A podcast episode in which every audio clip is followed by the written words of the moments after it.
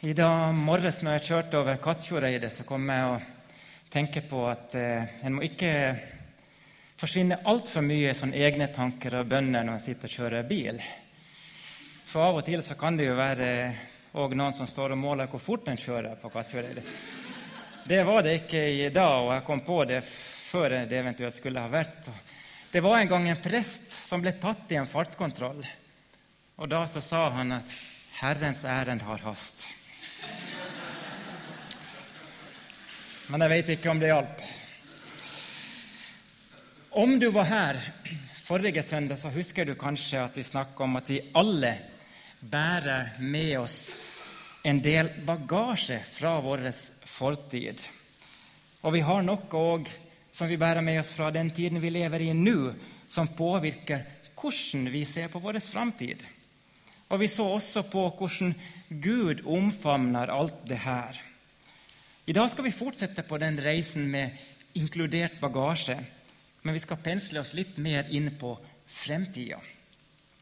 Og Da skal vi lese et av de vers som vi leste forrige søndag, nemlig det kjente fra Hebreabrevet 13, vers 8, som en ofte bruker lære seg å memorere. Dette er et sånt vers som en lærer seg kanskje allerede på søndagsskolen.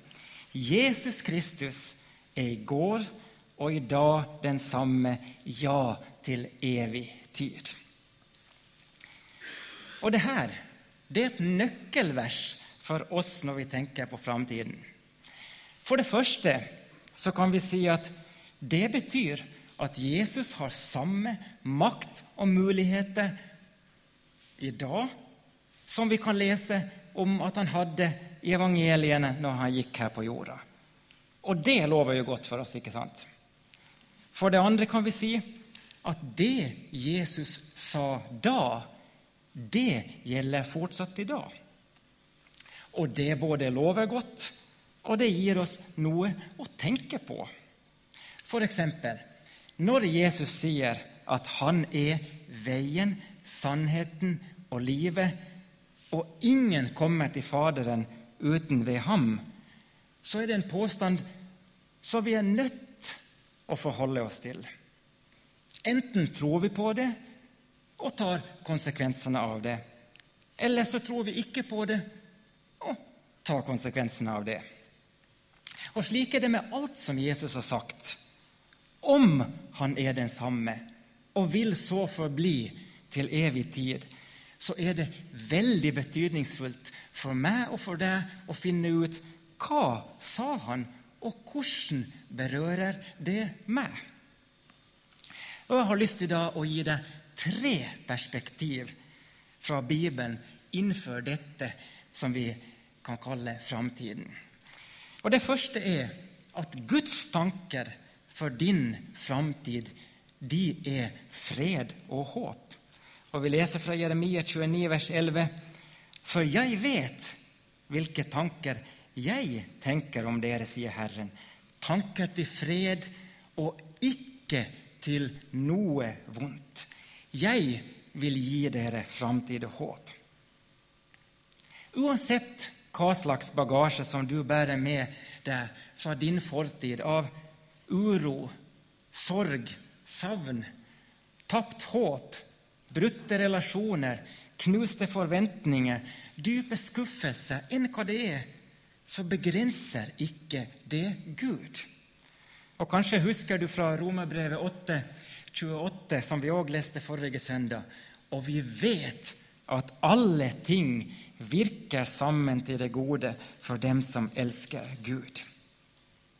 Gud vil det godt, sjøl om det å leve iblant gir oss nok og mer enn nok av vonde opplevelser og erfaringer.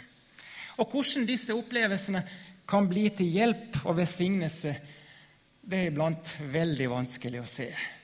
Iblant er det komplett umulig å forstå hvordan kan Gud få noe godt ut av dette. Gud har jo aldri lovt oss at livet skal gå på skinner, men han har lovt å være med oss hver dag, og at han aldri skal forlate oss. I den kjente salmen, Salme 23, som også kalles hyrdesalmen, så beskrives både det trygge i å følge Gud og også livets realiteter. Vi skal se litt på Salme 23. Og Når vi nå leser den og ser på det som står der, med noen sånne korte refleksjoner kommentarer innimellom, prøv å lytte med et åpent sinn og tenk ok, kan det være noe i dette? Herren er min hyrde, jeg mangler ingenting. Herren er min hyrde, ok? Hyrdens oppgave var å passe på sauene når de var ute på markene. Så lenge sauene holdt seg nær til hyrden, så ville de få det som de trengte. Han ville sørge for dem når de holdt seg der som han var. Han lar meg ligge på grønne enger, han leder meg til hvilens vann. Ved hva slags vann søker jeg hvile når jeg er nedbrutt og sliten? Er det ved de vann som Gud leder meg til, eller er det andre vann som jeg oppsøker? Han fornyer min sjel. Hvem fornyer min sjel? Jo, han. Å ja, det var ikke Instagram eller Facebook eller Netflix eller YouTube. Det var han. Ok, kanskje jeg burde gå til han da, når jeg kjenner at jeg er nedfor. Han leder meg på rette veier for sitt navns skyld. For hvem sitt navns skyld? Jo, for hans, ikke for mitt. Aha, interessant. Det er altså ikke for å bygge mitt navn kjent som han leder meg. Kanskje det da kan bety at hans ledelse iblant er annerledes enn det som jeg så for meg. Ja, selv om jeg må vandre gjennom dødsskyggens dal, frykter jeg ikke for noe vondt, for du er med meg. Din kjepp og stav, de trøster meg. Dødsskyggens dal må vandre. Det var ingen god kombinasjon, det der.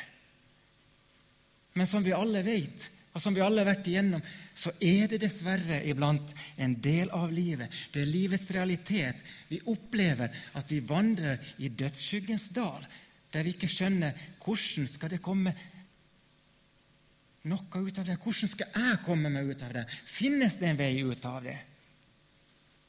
Men også der er Jesus midt iblant oss og med oss. Du dekker et bord for meg framfor mine fiender. Fiender Jeg vet ikke hvor mange fiender du har. Kanskje du ikke har så veldig mye fiender. Men kanskje du av og til opplever at det er folk som gjør livet surt for deg. Hva var det Jesus da sa når vi kom opp i sånne situasjoner? Jo, han sa, 'Be for dem, velsign dem, ikke ta igjen'. Og iblant er det der så utrolig vanskelig. Men når vi følger Guds ord, så vil Han sørge for oss. Du salver mitt hode med olje, mitt beger flyter over. Og Dette er også et bilde for at Gud vil sørge for oss, så at vi har det som vi trenger, og så at vi også kan bli til besignelse. Sånn at ikke bare vårt beger blir fylt, så at vi akkurat får nok til å slukke vår størst, men sånn at det flyter over, så at vi har noe å gi til andre mennesker. Sannelig, bare godhet og miskunnhet skal etterjage meg alle mitt livs dager, og jeg skal bo i Herrens hus til evig tid. Hva skulle etterjage meg? Var det frykt? Ondskap? Straff? Nei, godhet og miskunnhet. Miskunnhet som et annet ord for nåde og barmhjertighet. Og så avslutter David her med evighetsfokuset. Jeg skal bo i Herrens hus til evig tid. Og Det leder oss til det andre perspektivet. Og det er at Guds ord går aldri ut på dato. Jesus han sier i Matteus 24, 35, Himmel og jord skal forgå, men mine ord skal aldri forgå. Hadde vi vært i Narvik Hvor er du, Krist? Aldri! Det har jeg hørt at en sier. En overdriver aldri i Narvik. Det er sant. ja. Mine ord skal aldri forgå, sier Jesus. Og at det er en kamp om kloden vår med forhøyede temperaturer, klimaendringer og forsøpling, det er det umulig å ikke ha fått med seg. Og det kan naturlig nok skape uro for framtiden. Og som Guds folk så ønsker vi å ta vare på det oppdraget som Gud ga menneskeheten, nemlig å forvalte jorden på en god måte. Og der har vi forbedringspotensialet. Og alle er enige om at det må vi starte med nå. Og samtidig så minner oss Guds ord på om at midt i denne uroen for vår framtid, så er det én ting som ikke vil forgå, nemlig Guds ord. Og det får oss til å tenke på på hva? På hva bygger jeg mitt liv? Hva er det som jeg investerer i mest av min tid og min energi? Er det på ting som skal forgå, eller er det på ting som skal bestå? Det finnes ingen Planet B, som de bruker si når du løfter fram vårt ansvar for jorda. Men ifølge Bibelen så venter det en evighet for oss alle. Jeg leste her om eh, dagen i uka om en gudsmann som ble kalt Tikon Avsadonsk. Han levde fra 1724 til 1783.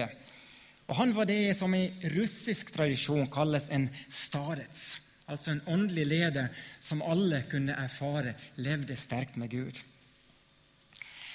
De siste fire årene av sitt liv så levde han helt alene, fordi han sa at i bønn og ensomhet så ville han forberede seg på å møte Gud ansikt til ansikt.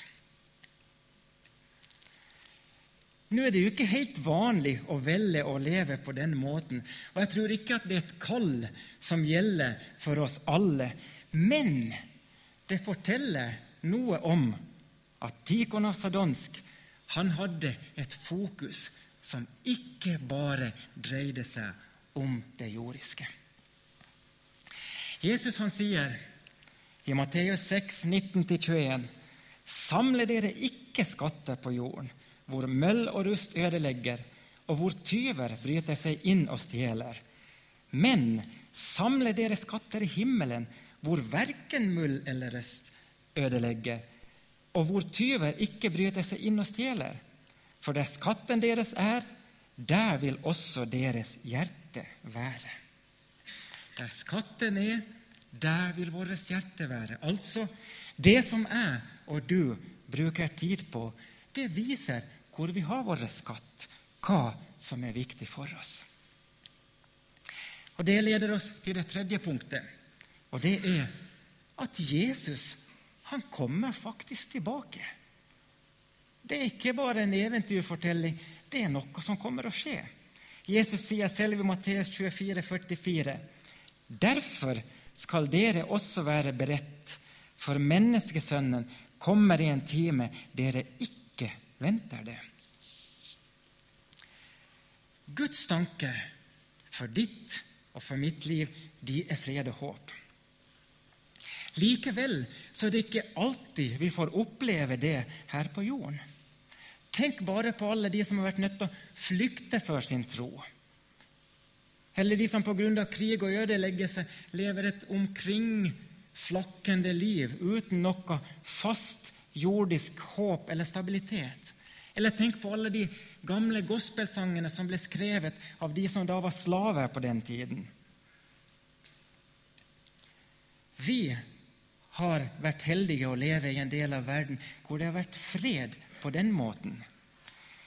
Men det trenger ikke å bety at ikke du og jeg kan oppleve uro og ha urolige forhold både i oss sjøl, på hjemmefronten eller i slekta eller på jobben. For det å gi livet sitt til Jesus, det er ikke et sånn der oppussingsprogram Der liksom du inviterer Jesus, og så kommer han og fikser alt, og så er alt helt fantastisk, og det er aldri noen problemer igjen. Gud kan gripe inn, og han kan fullstendig forvandle livssituasjoner som ser helt umulige ut. Det finnes det utallige bevis på. Og Kanskje du òg kunne fortalt om sånne, sånne opplevelser og hendelser.